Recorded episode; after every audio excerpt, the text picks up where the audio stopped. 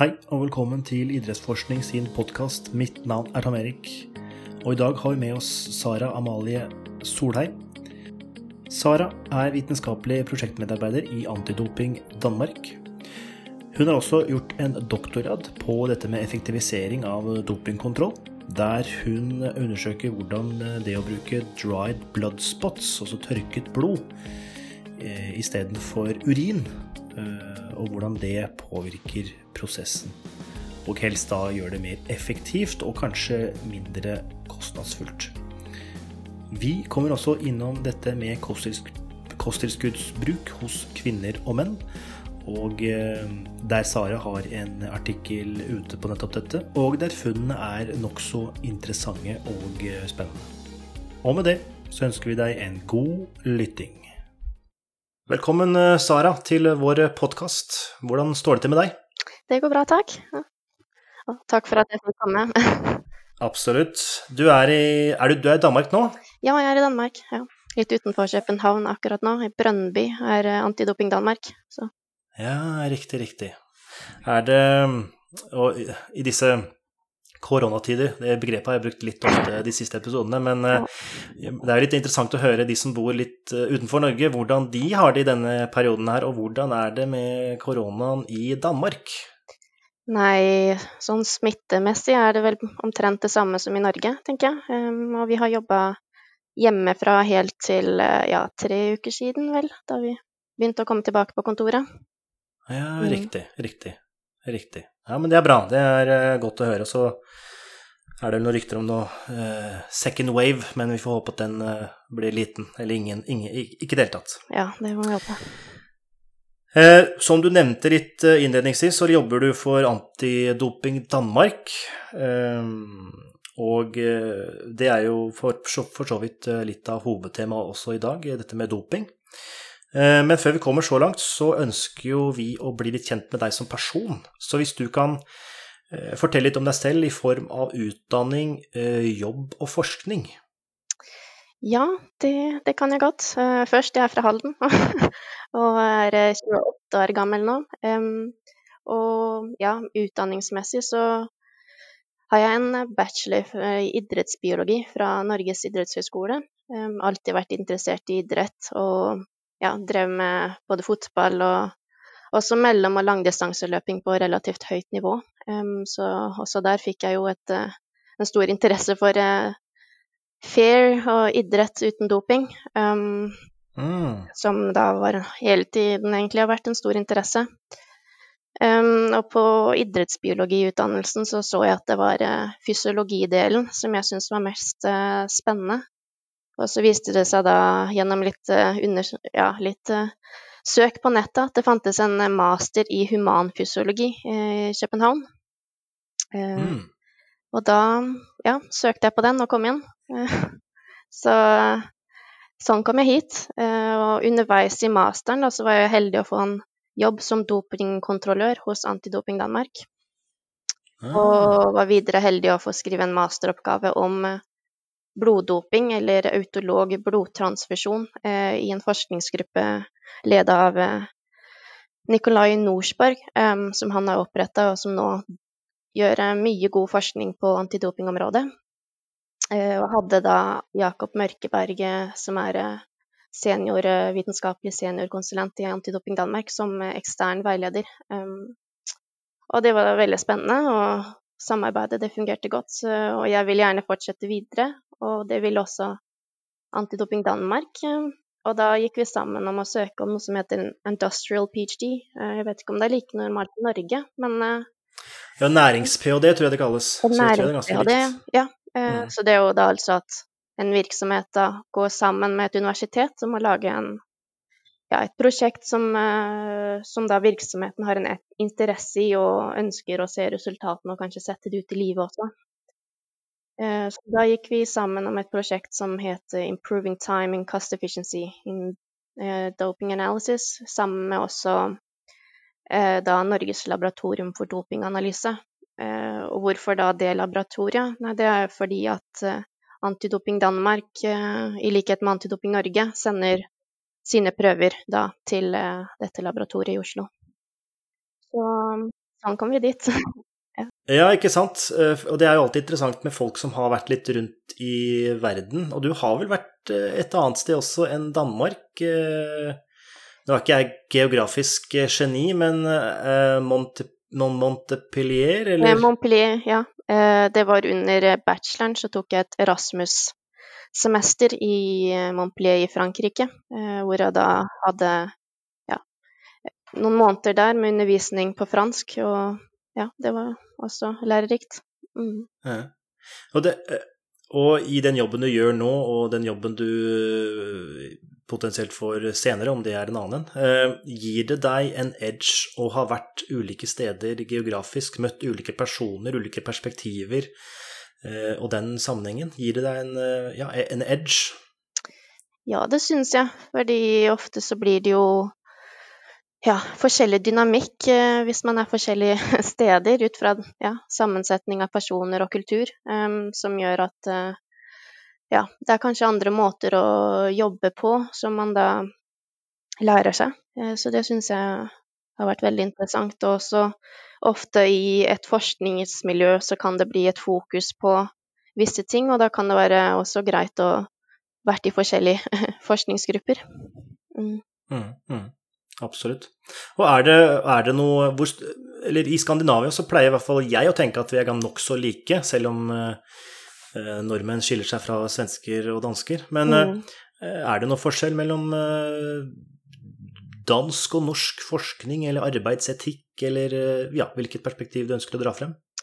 Jeg tror egentlig ikke det er så veldig stor forskjell akkurat i arbeidsmoral og eh, sånn, men i hvert fall eh, en fordel av å være på Københavns universitet sammenlignet med f.eks.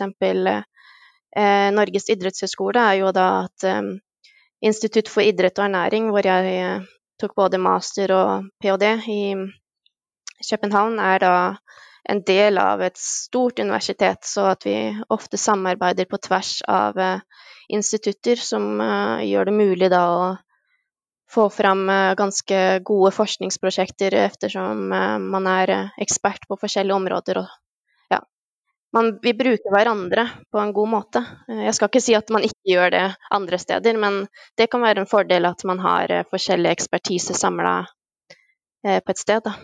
På et sted, ja. Mm, mm. mm. Bra. Um, du nevnte jo litt dette med fair play, og der du har drevet med mye idrett selv. Ja. Og det er kanskje noe av bakgrunnen er for at du, har blitt interessert i doping og testing av doping. Mm. Men har du gjennom uh, din egen deltakelse i idrett opplevd uh, doping i, en eller annen kontekst?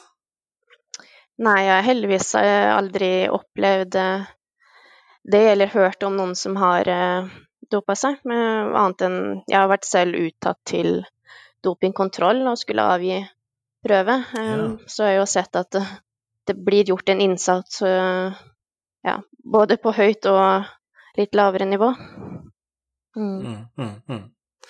Riktig. Og da beveger vi oss for så vidt inn på din doktorgrad, som du nevnte her i stad, som i all hovedsak handlet om å effektivisere en testmetode, hvis jeg skal si det kort.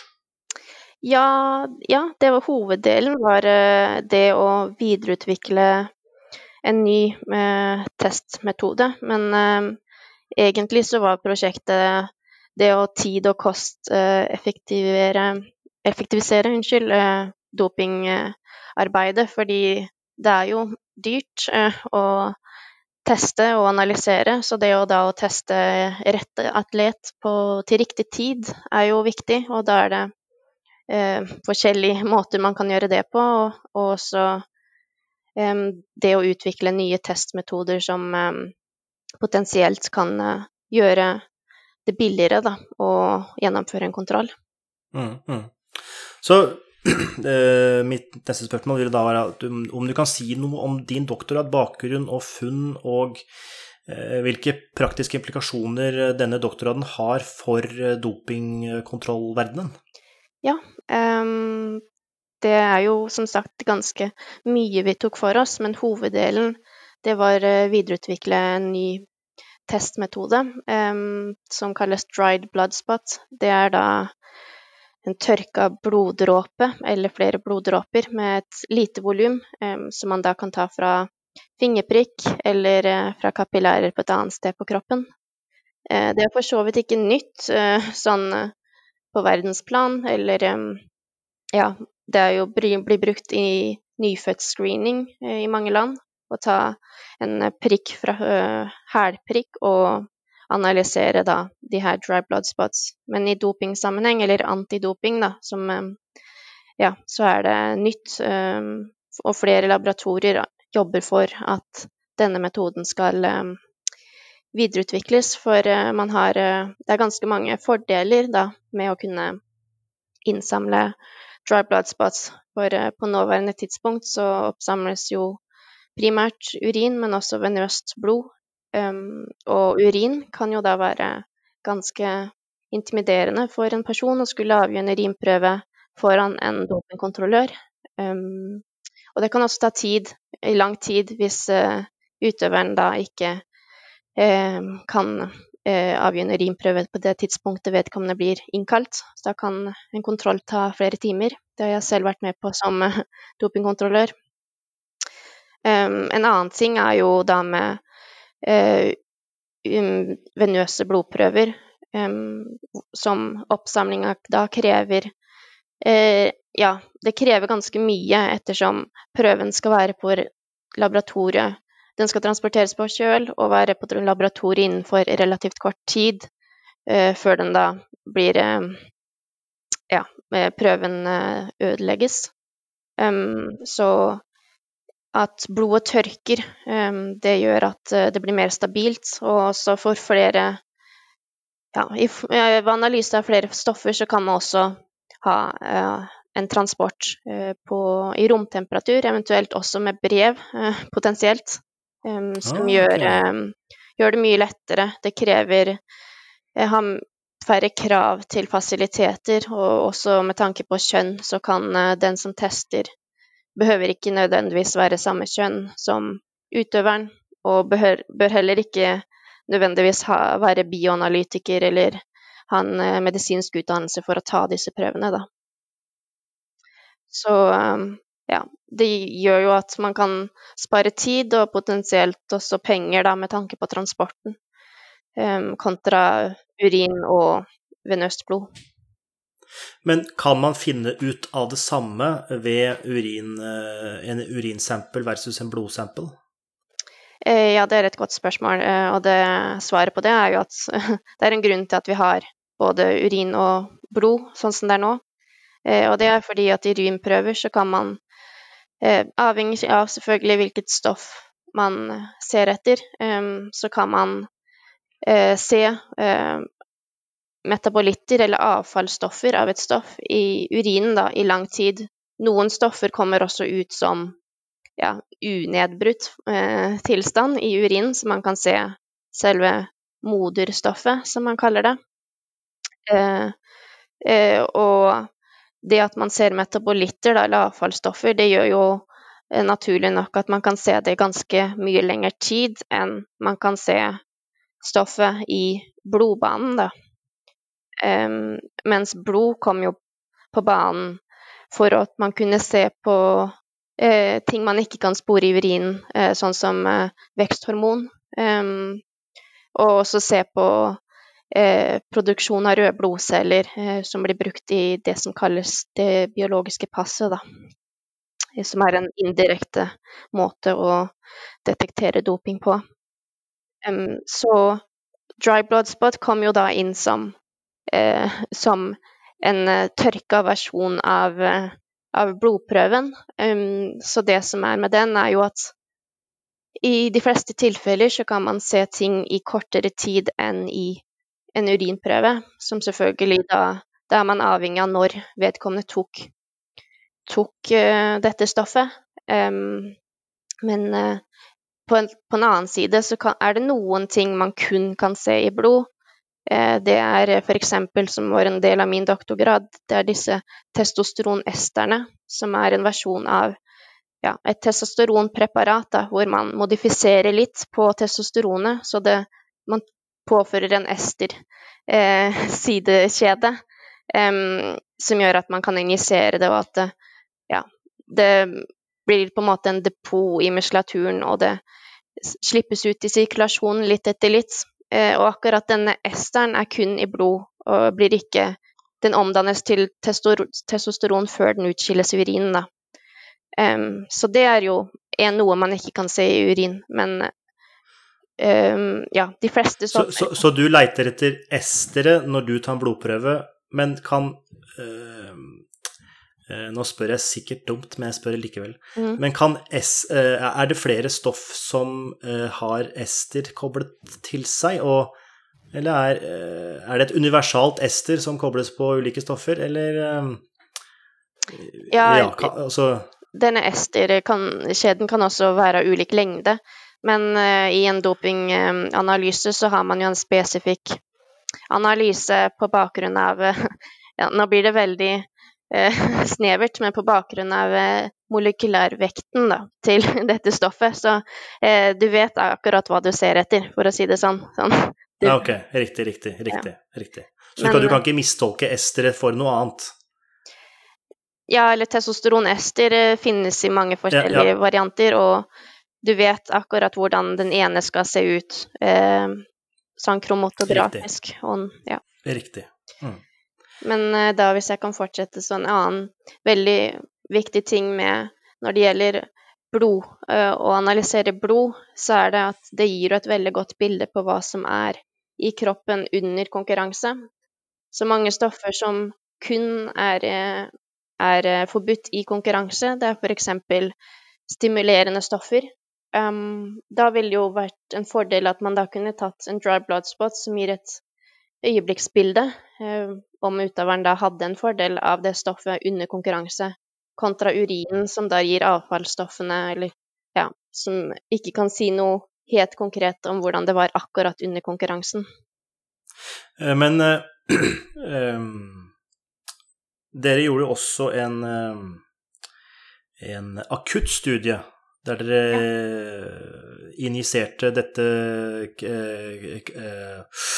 Klebuterol. Hva ja. sier man på norsk, egentlig? Klembuterol. Ja. Klenbuterol, ok. Mm. Eh, og der det ikke hadde noe særlig effekt på disse eksplosive styrkeparameterne i spenst og uh, om det var MWC, jeg husker ikke alle parameterne. Er ja, det, altså, var, hvorfor gjorde dere det studiet? Ja, eller eh, Det er riktig at vi har gjort et akuttstudie med klembuterol, men eh, eh, det var deteksjon, og en kollega av meg så på prestasjon, mens jeg så på den akutte effekten av testosteron på de parametrene du nevnte. Ja. Ok, riktig. Og hva, hva, fant du der? Hva var hensikten med å ja, undersøke dette? Hensikten er jo at um, hvis man ser i litteraturen, så er det noen studier på dyr, for eksempel, ja, mus for eksempel, og også noen in vitro-studier på mennesker, altså ikke eh, Ja, man har sett på kun et um, for eksempel et vev man har tatt ut, og ser reaksjonen når man tilfører testosteron. Eh, og på mm. bakgrunn av disse så kan det tyde på at det er noen akutte effekter av testosteron også på prestasjonen, og ikke bare de lengre virkende, sånn som forøket muskelvekst og eh, også erytropoese. Men eh, eh, ingen studier har da sett på dette, i, i hvert fall i eh, friske mennesker. Eh, og da, når vi da skulle gjennomføre dette studiet hvor vi skulle prøve å detektere testosteron, så gir det jo også mening å gjøre mest mulig når man først er i gang, um, og da se på den akutte effekten da, på prestasjon. Og jeg som fysiolog syns jo også det er en veldig interessant del av det. Mm. Um, ja. Men um, det, er mulig, det er slik jeg tolket det, og det er mulig jeg tolket det feil, men er ikke da dette, denne studien et argument for å um, teste utenfor sesong også, fordi denne øh, øh, de, de, kommer sikkert ikke til å dope seg øh, rett før konkurranse eller i konkurranse, siden det rent akuttmessig ikke gir noe særlig effekt på prestasjon, og derfor så er det kanskje mer en langtidseffekt, og derfor så gjør man det i preseason hvis man skal dope seg? Ja, det er riktig. Det er også sånn vi tolker eh, de resultatene. At sånn i et antidopingperspektiv så var denne studien her da med på å vise eh, når bør man teste.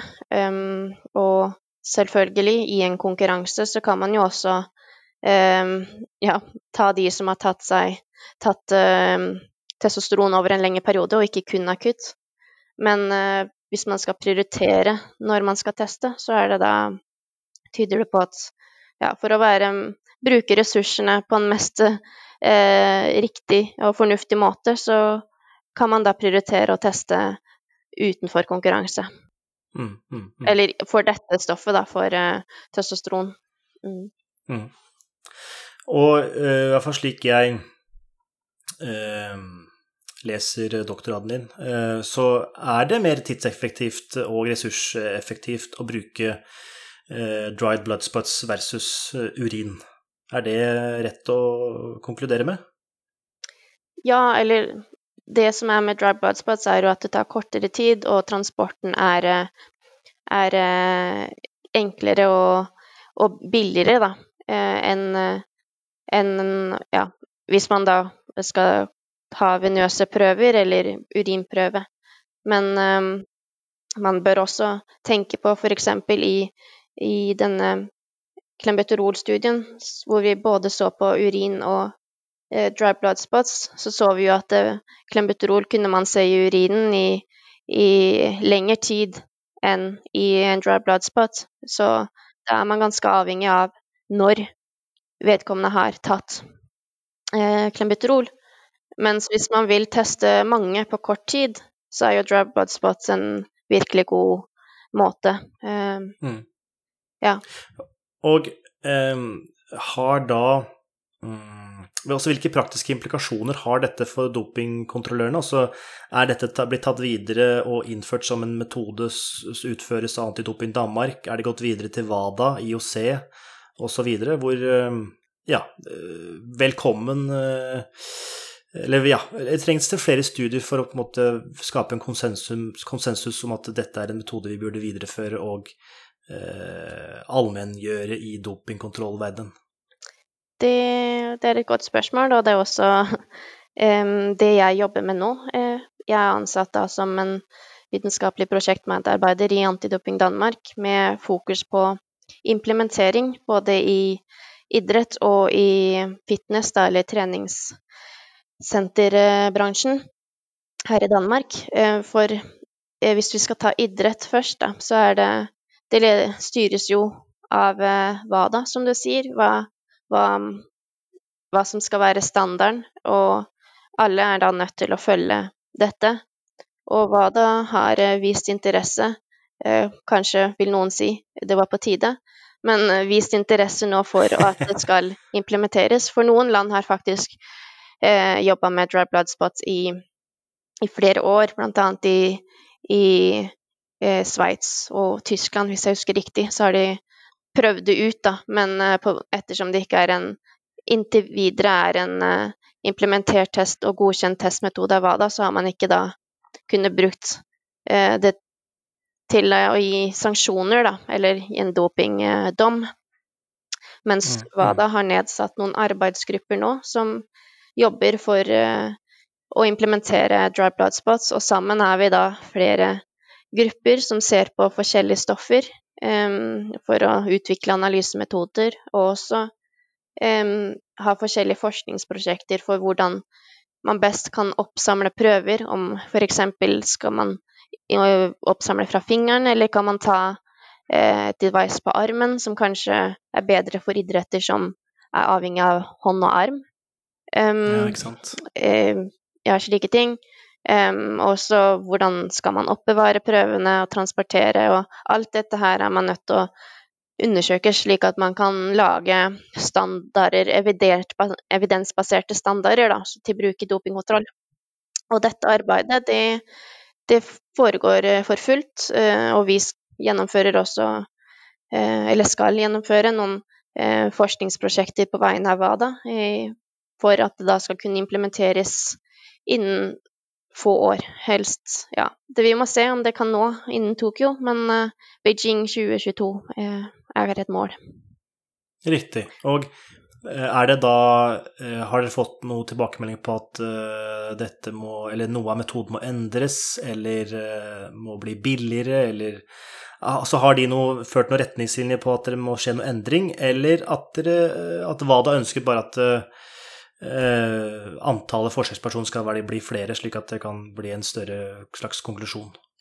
Um, ingen spesifikke ting på bakgrunn av det eh, studiene vi har gjort, men det er mer for, ja, for eh, hvis en analysemetode er eh, validert, som det heter, da, og fungerer som den skal, så kan Eh, laboratoriet bruke den.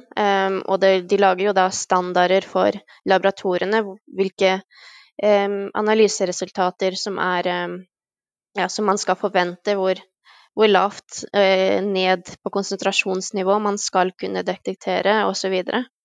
Um, men uh, det, det, går mer på, eller ja, primært også på uh, hvordan man skal oppsamle og transportere så de har jo laget hva det har ekspertgrupper for både analysedelen og eh, for eh, dopingkontroll eh, og transportdelen, da. Um, riktig, riktig. Ja. For det er en del eh, lover og retningslinjer man skal ha, eller guidelines som er på plass, eh, slik at alle gjør det på samme måte.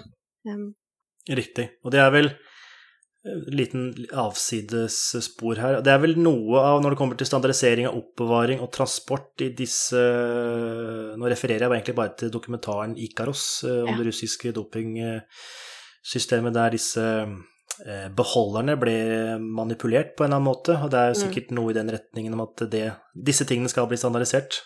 Ja, det mm. Og, og, eh, men du sa jo nevnte at du, kunne sende disse blodprøvene gjennom brev. og Hvordan standardiserer man i så fall det, hvis det er lov?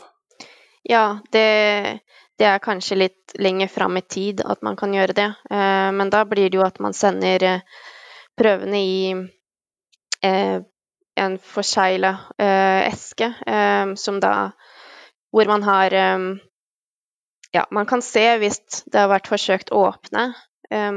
det og eh, det blir sendt med prioritert post, da, eventuelt. Um, jeg vet i USA under korona så har de forsøkt uh, å ha dry blood spot da, som en um, testmetode, og da har det vært gjennom uh, video, faktisk, at utøveren selv har oppsamla en prøve med, ved hjelp av et, en enhet på armen. Og så har det vært en videoovervåkning um, for å forsikre seg om at det er den prøven fra denne utøveren man får tilsendt.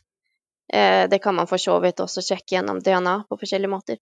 Men eh, ja, da ble prøvene sendt gjennom eh, brev, eller pakkepost, da. Prioritert. Ja. Mm. Mm, mm, mm. Og um det er jo, det er jo eh, doping i idrett, og det får vi vite både gjennom nyhetsoppslag og dokumentarer og det ene og det andre. Eh, og det vil nå mest sannsynlig alltid eksistere hvis jeg kjenner mennesker rett. Eh, men det er jo viktig at antidopingarbeidet i de ulike landene og internasjonalt foregår, ja. slik at vi kan få en eh, så eh, hva skal jeg si eh, fair play som overhodet mulig, at alle stiller på lik linje, i hvert fall at ingen jukser utover eh, det som er lov å ta. Ehm, men ehm, det var jo en bok som kom eh, et par år siden av Mats Drage, som het 'Den store dopingbløffen'. Ehm, og han problematiserer at antidopingarbeidet da i Norge ikke er godt nok. Og han påpeker der at uh, f.eks. friidrett og sykling har det blitt tatt veldig mange utøvere. Og mange ser jo da på friidrett og sykling som de store synderne. Men han prøver å på en måte stille det i et litt annet lys, som at ja, men ok, du tar ganske mange dopere i f.eks. sykling, men det er jo fordi de tester mye, og det er for så vidt en god ting. Selv om det fører til en dårlig ting, for så vidt. Så mitt store spørsmål er er antidopingarbeidet uh, godt nok? Fordi det virker kanskje som om doping dopingmidlene, eller dopingmetodene til utøverne, er et steg fremfor dopingkontrollørenes metode. At de unnslipper mange ganger. Hva tenker du om det? Ja, det er jo en vanskelig problemstilling du kommer med nå. Um, og det jeg tenker, er jo at uh, det er jo svakheter ved antidopingsystemet. Det er det, uh, som ved de fleste systemer.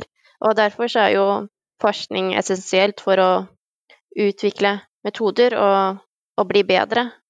Eh, og det har man jo sett opp gjennom årene at eh, etter hvert som analysemetodene har blitt mer sensitive, det vil si at man kan se mer, eller ja, man med høy sikkerhet kan se eh, de tingene, f.eks. se lavere og lavere konsentrasjoner. Man har kommet opp med nye metoder.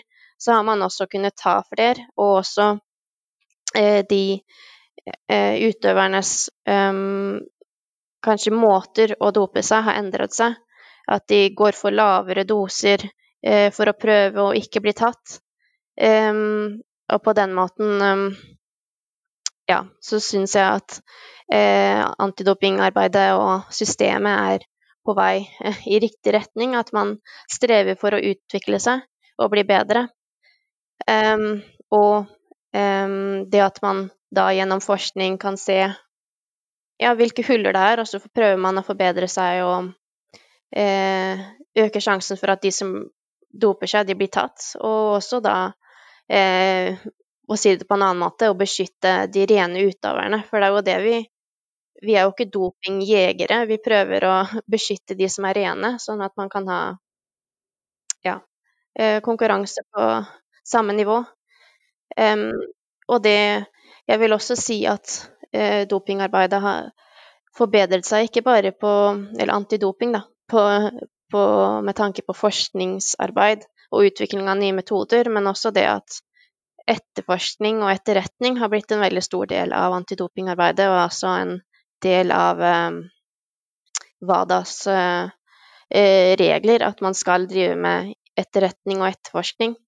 Um, og det vil si at man da får man får inn eh, tips. Man eh, kanskje samarbeider med tolletaten, eh, politi, og får vite om forskjellige ting. Og da kan man fortsette å undersøke om gå videre i de baner, da, sånn at man sammen samarbeider på tvers av ja, eh, forskningsavdeling og Ja, og sånn vi Jeg vet både i mange antidopingorganisasjoner har de nå også ansatt eh, politi og jurister som jobber med, med dette. Um, sånn at uh, det er jo Det er mange Antidopingarbeidet er uh, bredt, sånn at jeg vil si at det er uh, på, i, ja, på rett vei på mange måter.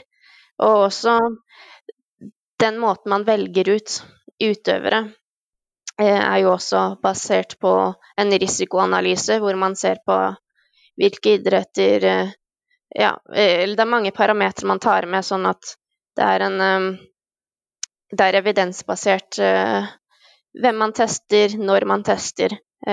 så det er mer eh, ja, en klok Man blir klokere på den måten også. Eh, du sa noe om å uh, jobbe med de hullene som eksisterer. Uh, altså, hvilke konkrete hull er det man snakker om da? Nei, tidligere så kunne man jo f.eks. ikke spore EPO, eh, eller ja, som er eh, erytropoetin, som eh, stimulerer til produksjon av røde blodceller. Det kunne man da tidligere ikke se. Um, Um, men det har man da metoder til å, å spore nå. Um, blant annet så igjen på, Ja, de tingene der, da, at man Og etter hvert så prøver man jo å bli slik at man eh, ble det til å se lavere og lavere um, konsentrasjoner, fordi man ser at utøvere tar eh, lavere og lavere doser. Um, en annen ting som er jo at uh, man kan spørre seg, men hva da hvis det også blir eh, kommer nye prestasjonsfremmende midler, eller det blir eh, lansert f.eks. noen medisiner som viser seg også å være prestasjonsfremmende, hva da? Jo, mm, så er det jo heldigvis også en eh, WADA har etablert noen avtaler slik at eh, medisinalindustrien også kan sende eksemplarer til laboratoriene, slik at man er faktisk er noen skritt foran uh, utøveren, og at utøveren ikke er et skritt foran oss. Ja, ok. Så når uh, dette er da i de tidlige utprøvingsfasene av et medisin, så kan laboratoriene allerede i tidlig fase, før det er blitt lansert, utvikle Mhm. metoder. Så når det blir lansert, så har man allerede en deteksjonsmetode eh, oppe å kjøre. Ja, riktig. Riktig. Ja, det høres ut som eh, en, en meget god ting. Ja, så Eh, eh, det er positivt. mm. Er det Du har jo en artikkel fra 2016 som omhandlet kosttilskudd, og før vi kommer inn på den, så er det jo noen sier, eller mange sier, er at hvis det er ulovlig, så funker det. Hvis det er lovlig, så funker det ikke. Men er det noe av de lovlige midlene der ute som er litt sånn gråsoneprodukter? Ja, det er jo Studier har jo vist at uh, koffein kan jo gi eh, en ekstra drive og være prestasjonsfremmende, men det er da ikke ulovlig. Um, så på, Men det, egentlig så er det ikke så veldig mange kosttilskudd som han har bevist en effekt utover det å, å spise bra, egentlig. Mm, mm, mm. Mm. Bikarbonat kan kanskje hjelpe for noen. ehm, veldig anarobe idretter. Eller ja, sprintidretter. ehm, men ja. Det er ikke så Mm. veldig mange preparat eller kosttilskudd som har vist seg å ha en prestasjonsfremmende effekt. Det er det ikke. Utover å ha normal kost. Mm. Det eneste som ble debattert når jeg var student, var vel egentlig kreatin monohydrat. Ja, eh, og eh, ble debattert som et uh, gråsoneprodukt, fordi det har jo eh, Nå har jeg hørt eh, veldig mye rart om kreatin monohydrat, men iallfall det jeg har lest selv, så viser det at det eh, viser seg å ha en god effekt på de i aller fleste av, eh, av, eh, av de i samfunnet vårt. Mm. Eh, og det, kan det ses på lik linje som koffein, at ja, det gir en prestasjonsfremmende effekt, men eh, burde det vært ulovlig? I så fall hvorfor? Ja, det er et godt spørsmål. Men det, det som er eh, når et preparat vurderes til om det skal være på dopinglista eller ei, så er det forskjellige kriterier man har. Um, det er bl.a. om det er prestasjonsfremmende, om det har en helserisiko, om det er en eh, eh, Hva skal man si Om det er en trussel for, for eh, sportens eh, olympiske ånd. Eller jeg kan ikke helt huske hvordan de er Det er formulert. noe, ja, det er noe etisk, eh, etisk i form av Ja. Mm. Eh, og da skal det være kunne oppfylle Jeg tror det er to av disse kravene, hvis jeg ikke sier helt feil akkurat nå, em, som et stoff skal oppfylle, da. Um, og jeg tror også det kan være vanskelig um, Noen stoffer er det også vanskelig å komme med grenseverdier for. Uh, når, hvis koffein er ulovlig, så skal man ikke drikke kaffe. Um, ja. eh, også i ganske lang tid i forveien, så det er skilt ut av kroppen. Um, så det er noen sånne ting, men eh, det er også et spørsmål om hvor mye um, Ja, hvor mye uh, Hvor stor forbedring man kan se av, uh, av det, vil jeg tenke. Men um, det er jo som sagt da at det skal oppfylle noen krav, uh, og hvis det ikke er en trussel for, eller ikke er farlig for helsa, så um, ja, det, det, er, det er en vanskelig problemstilling. Koffein har jo vært på dopinglista, og så blitt tatt av igjen. Så er det noen som spør om burde komme på igjen. Og det, det er veldig vanskelig. eh, Og det er heldigvis mange eksperter som eh, ja, vurderer dette, og ved hjelp av forskjellige forskningsgrupper rundt omkring, så blir ting også inkludert på listene om en blir klokere. Riktig. Men øhm, denne studien fra 2017, der du, øhm, eh, hvis jeg har forstått det riktig, så litt på kosttilsbruk eh, mellom kvinner og menn, kan du fortelle litt om eh, hva dette dreide seg om?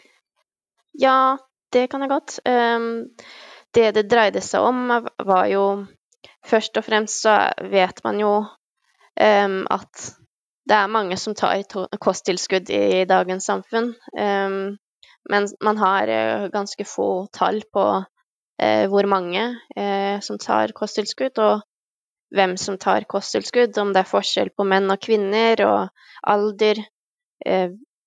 ja, hvordan F.eks. om det er noe forskjell på hvilken idrettsaktivitet man bedriver. Og i, som en antidopingorganisasjon så sitter man på ganske mange uh, Ja, mye informasjon som ikke blir brukt ofte.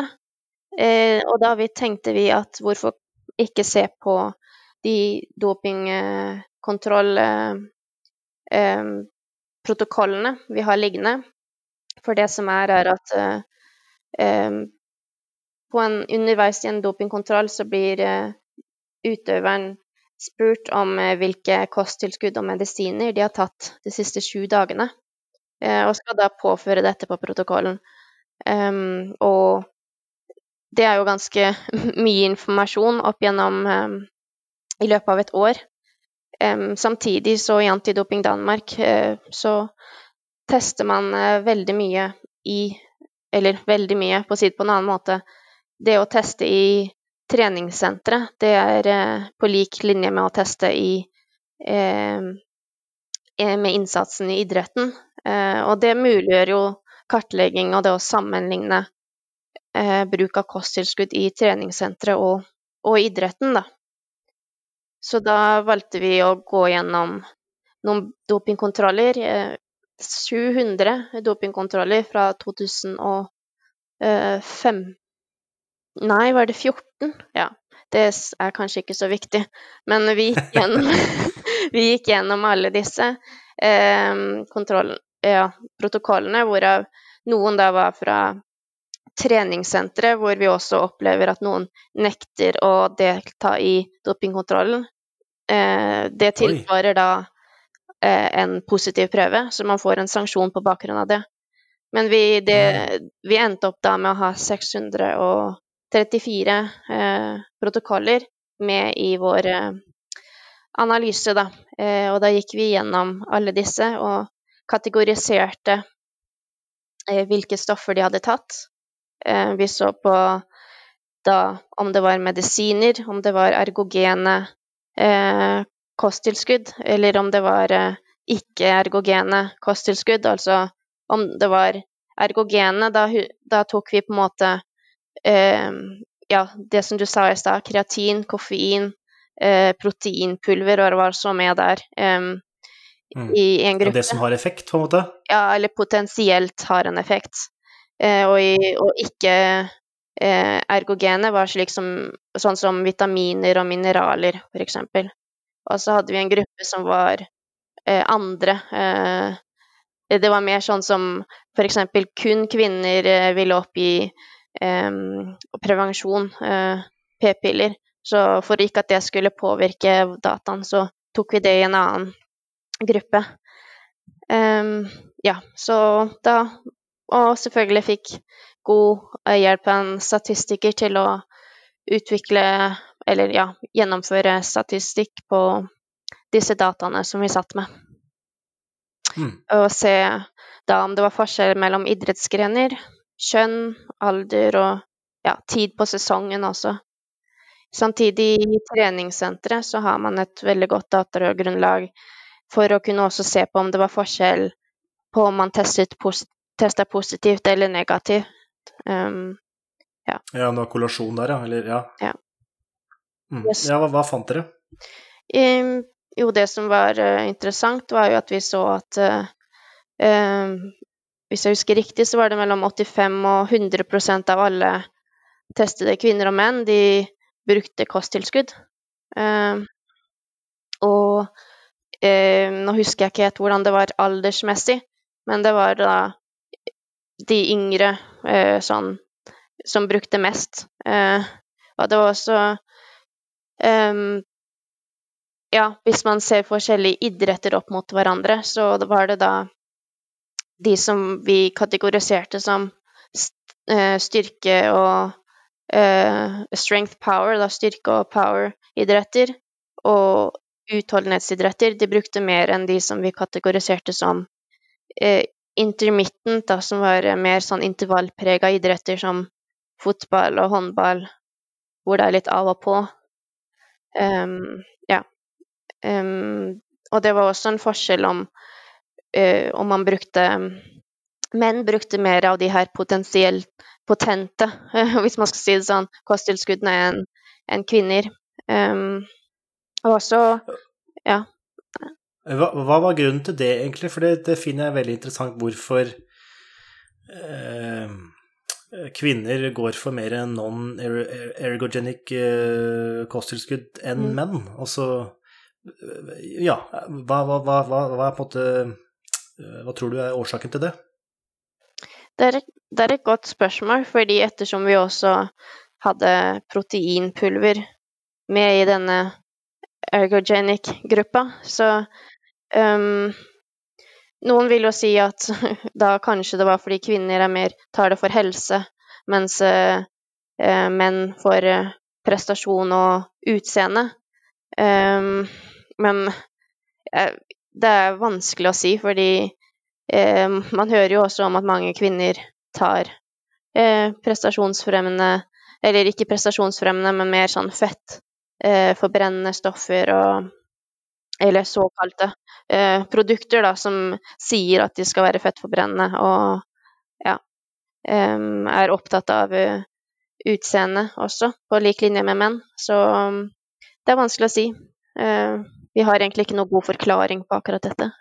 Tror du Dette var innsamling fra enten 14 eller 15, men tror du du hadde funnet de samme Eller når vi snakker om kvinner og menn her, og hva de velger, tror du hadde funnet det, funnet det samme i 2020? For det har jo i hvert fall når jeg øh, ja, tilfeldigvis øh, får opp sånne algoritmer på min Facebook øh, om disse kosttilskuddsstedene, om hva de selger, og, og jeg kikker jo også på Instagram, der det er proteinpulver designet for, for jenter, og det er det er, det er mye kosttilskudd som skal rettes mot jenter, og som skal spesialiseres mot jenter. Mm. Eh, og at det er eh, ja, bygger på det stereotypiske eh, rosa innpakning og den slags. Og det føler jeg har skjedd mer i det siste enn f.eks. fem år siden. Så hva tenker du der? Altså, hadde man funnet det samme i dag? Ja, det blir jo mye synsing, da, men basert på det du sier og hvordan samfunns... Eller ja, samfunnet er nå, så er det et veldig fokus på kropp. Um, så det kan godt være at bildet ville vært annerledes, at vi ville sett uh, at det var mer likt, da. Uh, mm. um, ja. ja, for det er jo uh, Hvis man ser litt på trender og faktisk ser på ja, bruk av hashtags. Det har jo blitt gjort, gjort, en del innholdsanalyser av Instagram, f.eks., der begrepet, eller hashtaggen 'strongest in skinny' har blitt fått en større og større forekomst de siste årene. Mm. Så man kan jo anta, i hvert fall litt uh, faglig, at det kanskje kan være slik at uh, funnene kanskje uh, ikk, Kanskje blitt litt, litt, annerledes den dag i dag. Men det blir selvfølgelig synsing og spekulativt, det er helt klart. Men det som da var det viktige for oss fra den studien her, da, det var jo da at vi fikk noen tall på hvor hvor mange som faktisk eh, bruker kosttilskudd. Eh, og det er ganske oppsiktsvekkende med tanke på det at eh, det er mange kosttilskudd som er kontaminerte og inneholder ting de ikke skal inneholde, også ting som er på dopinglisten. Og det, skal man være oppmerksom på. Og ja, det, det, finnes jo sertifiseringssystemer hvor kosttilskudd kan testes for innhold. Um, og man skal alltid sjekke innholdslisten på et kosttilskudd. Men uh, man skal være oppmerksom på at da er det det spesifikke produktet og det spesifikke varepartiet som har blitt undersøkt.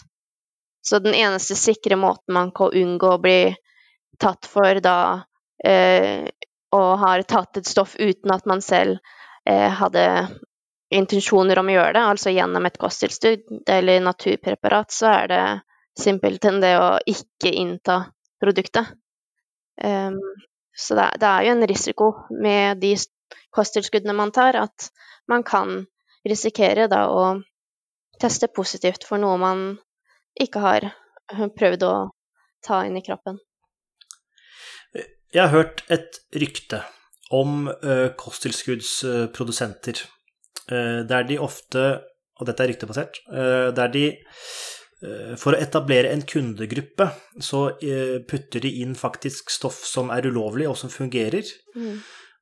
Og så får de påpakk fra helsemyndighetene, og så tar de ut dette stoffet. Men da har de jo allerede etablert en kundegruppe, og den kundegruppen vil jo da mest sannsynlig, eller potensielt, få en placeboeffekt ved kjøp av andre runde. Er det et rykte som er noe hold i? Altså, vet du noe om det?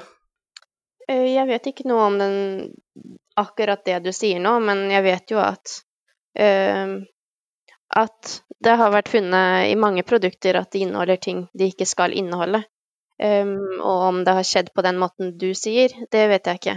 Og også det at uh, det, skal, det, kan være det spesifikke varepartiet som denne sertifiseringen gjelder, fordi man vet ikke noe om hvordan det har vært produsert med neste vareparti, og også om det stedet hvor det produseres, om de også produserer andre ting um, som da kan kontaminere stoffet. Um, ja. Det, er uh, absolutt en risk å ta å, kjøpe kosttilskudd. Eh, men det er vel en nettside, det, eller jeg veit at det er en nettside, men jeg husker ikke navnet på den, som du kan sjekke om kosttilskuddet er lovlig eller ulovlig, er det ikke det?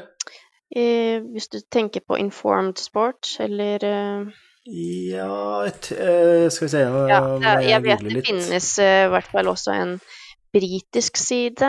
Um, drug Ja, det var informed sport jeg tenkte ja. på. Ja. Men mm. Eh, jeg tror igjen det gjelder eh, vareparti. At det ikke er eh, Man kan ikke gå god for videre, all videreproduksjon av dette produktet, da. Um, ja. Men uh, hvis man går etter de, så er man litt tryggere, men igjen uh, ikke like trygg som om man ikke har tatt det. Eller sånn, man kan aldri si helt sikkert at uh, du ikke vil være uheldig da å innta noe som er kontaminert. Ålreit. Da har vi egentlig vært eh, gjennom eh, mye, og egentlig eh, det jeg hadde planlagt å snakke om. Er det noe du ikke har fått sagt i denne samtalen her, Sara? Um, det er jo alltid mye man kan snakke om når det er et område man interesserer seg for. Og doktorgraden min den inneholdt som sagt også andre temaer som vi ikke har snakka om her i dag. Eh, men en, en, ting som er viktig å få fram også, da, det er eh, dette med dry blood spots og, og, det å ha nye metoder. Det er ikke bare for at man skal ja, at man skal få bedre tids- og uh, omkostninger, um, tid og omkostninger på en måte ved en dopingkontroll. Det er også for å prøve å gjøre opplevelsen bedre for de man tester. Fordi det er jo en påkjenning for utøvere å skulle avgi en dopingkontroll, også spesielt for de som gjør det mange ganger, eller også for uh, utøvere som gjør det for første gang. Um, så det å gå mot mer utøvervennlige metoder, sånn som f.eks. dry blood spots, det er jo Ja, det er som sagt ikke kun for, for oss i antidopingsystemet, det er også for, for uh, atleter. Utøverne utøver, også? Ja. Mm. Og mm. også da mm. her i Danmark, også de som man tester på, uh, på sikt. Da, også de man tester i treningssenteret. Um, ja. For, uh, ja. Det er litt annet system her i Danmark enn i Norge, men uh, her det, foregår det ganske mange kontroller i treningssenteret, og mye oppsamling av prøver der. Så, ja. Ok. Ja, for det har kommet sånn eh, de siste åra rent senter, eh, der eh, disse ulike helsestudier i Norge melder seg inn eller blir spurt. Jeg vet ikke hvordan den prosessen foregår, men at de blir et rent senter, slik at antidoping kan komme inn og teste når de ønsker, og hvem de ønsker. Mm. Er, det, er, det, et system som har vært lenge i Danmark, og ja, er mer omspredt? Ja, det har vært her i, i lengre tid, i ja, mange år, egentlig. Um, og da har vi også ansatt uh, noen som uh, jobber med dette, som uh, drar rundt og både tester og informerer uh, ja, de som jobber på senteret, og de som trener på senteret. Um, så mm. det å Hvis man da blir et treningssenter med en avtale med oss, så innebærer dette også at vi kommer ut ved jevne mellomrom og, og, tester. Jeg er ikke helt sikker på hvordan avtalen er i Norge, om man senteret da skal også betale for hver enkelt test. Um, det tror jeg er litt andre, andre regler. Men uh, Riktig. Så Men i hvert fall uh, her så kan ja, uh, nye testmetoder på sikt også ikke bare gjelde idretten, men også fitnesssentre, eller ja, som man sier her i Danmark, treningssenteret. blir litt ord. Ja, språkord. ja, det er mange, mange synonymer for et begrep. Eh, det jeg egentlig har eh, glemt å spørre litt om, det er jo egentlig din, din jobb. Du har vært litt inne på det. Men eh, er det sånn at du fortsetter å være dopingkontrollør, eller er det sånn at du er Nå vet ikke jeg hva slags stillinger det er, og hva slags arbeidsoppgaver en som jobber i Antidoping Danmark har, og i for så vidt Norge. Men er det rundt å reise rundt, holde foredrag, ta dopingkontroller? Gjør man alt, eller er man spesialisert til et eller annet felt? Man er som regel spesialisert, men kan jobbe med eh, f.eks. det å ta kontroll. Det kan man eh, Hvis man har tidligere eller har erfaring som dopingkontrollør, så kan man fortsette med det selv om man har andre arbeidsoppgaver. Um, så både Ja, jeg kan jo først og fremst snakke for Antidoping Danmark, men da har vi ansatt et uh, korps av uh, dopingkontrollører som gjør det, og så er vi noen som jobber på kontoret da, med forebygging, utdannelse og testing. Um, og da også, mm. som jeg er en del av, er det en som vi også jobber med litt forskning, da. Um, og jeg er, eh, jeg er, eh, nå ansatt eh, primært til å jobbe med implementering av uh, og videreutvikling av dry blood spots, og da jobber mm. med det um, ut året, for vi har fått støtte fra WADA til det. Og så er det da ut og søke jobb. så, Riktig. Så jeg, og hva, hva, hva, bringer fremtiden?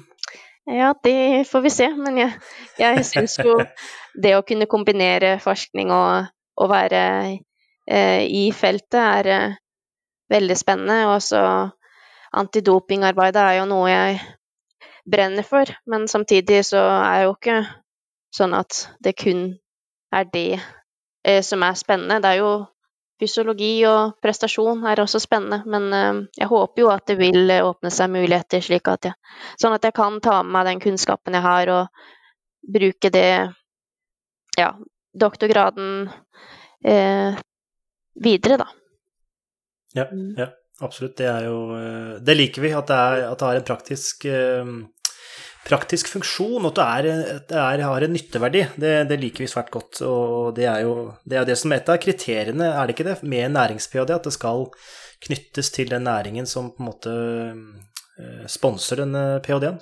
Jo, det er jo målet at man skal kunne ta det i bruk. Um, så det er jo veldig, mm. veldig motiverende da at man vet at uh, det, det, man jobber med, det er det noen som er interessert i å ta i bruk, og, og det å nå at jeg Jeg skal ikke ta på meg æren langt ifra for at det blir implementert, men det å vite at man har vært en del av utviklinga, um, setter jeg veldig stor pris på også. At jeg har fått mulighet både gjennom Antidoping Danmark og universitetet, og også eh, Norges laboratorium for dopinganalyse, som eh, har lært meg alt det jeg kan om dopinganalyse, som eh, når man kommer fra fysiolog, eller fysiologistudiet, så kan man ikke så mye om, ja, om bioanalyse.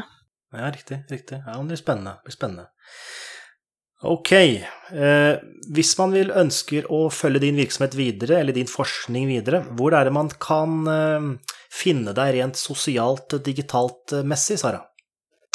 Um, for å se på forskninga, så er jeg ikke så veldig aktiv med det på Instagram og sånn, men uh, på både Twitter og det som heter ResearchGate, kan man jo se oppdateringer på, og LinkedIn for så vidt, på ja, forskningen jeg driver med. Uh, da er det Sara A. Solheim uh, i, ja, i ett, tror jeg, på, på Twitter. Og også LinkedIn er det under det navnet. Og ResearchGate. Riktig. Og vi legger ved lenkene til, eh, til eh, disse nettstedene. Bra. Da eh, takker jeg for ditt eh, bidrag i dag, Sara. Det var veldig hyggelig å snakke med deg, og veldig eh, lærerikt. Fordi doping er jo ikke et felt jeg har veldig mye peiling på, annet enn det, vi, det jeg ser i media og dokumentarer som ofte er veldig ja, popularisert og kanskje ikke så nyansert. Men eh, veldig interessante funn også, og så håper vi at eh, metoden din blir eh, implementert i stor, stor skala inn i WADA og, og, resten av verden. Jo, takk for at jeg fikk komme. Det har vært Ja, det er alltid morsomt å snakke om, om ja, det man har driver med, og andre som er interessert i det man driver med. Ja, så bra. Den er god. Da avslutter vi der. Takk for at du hørte på og vi høres om litt.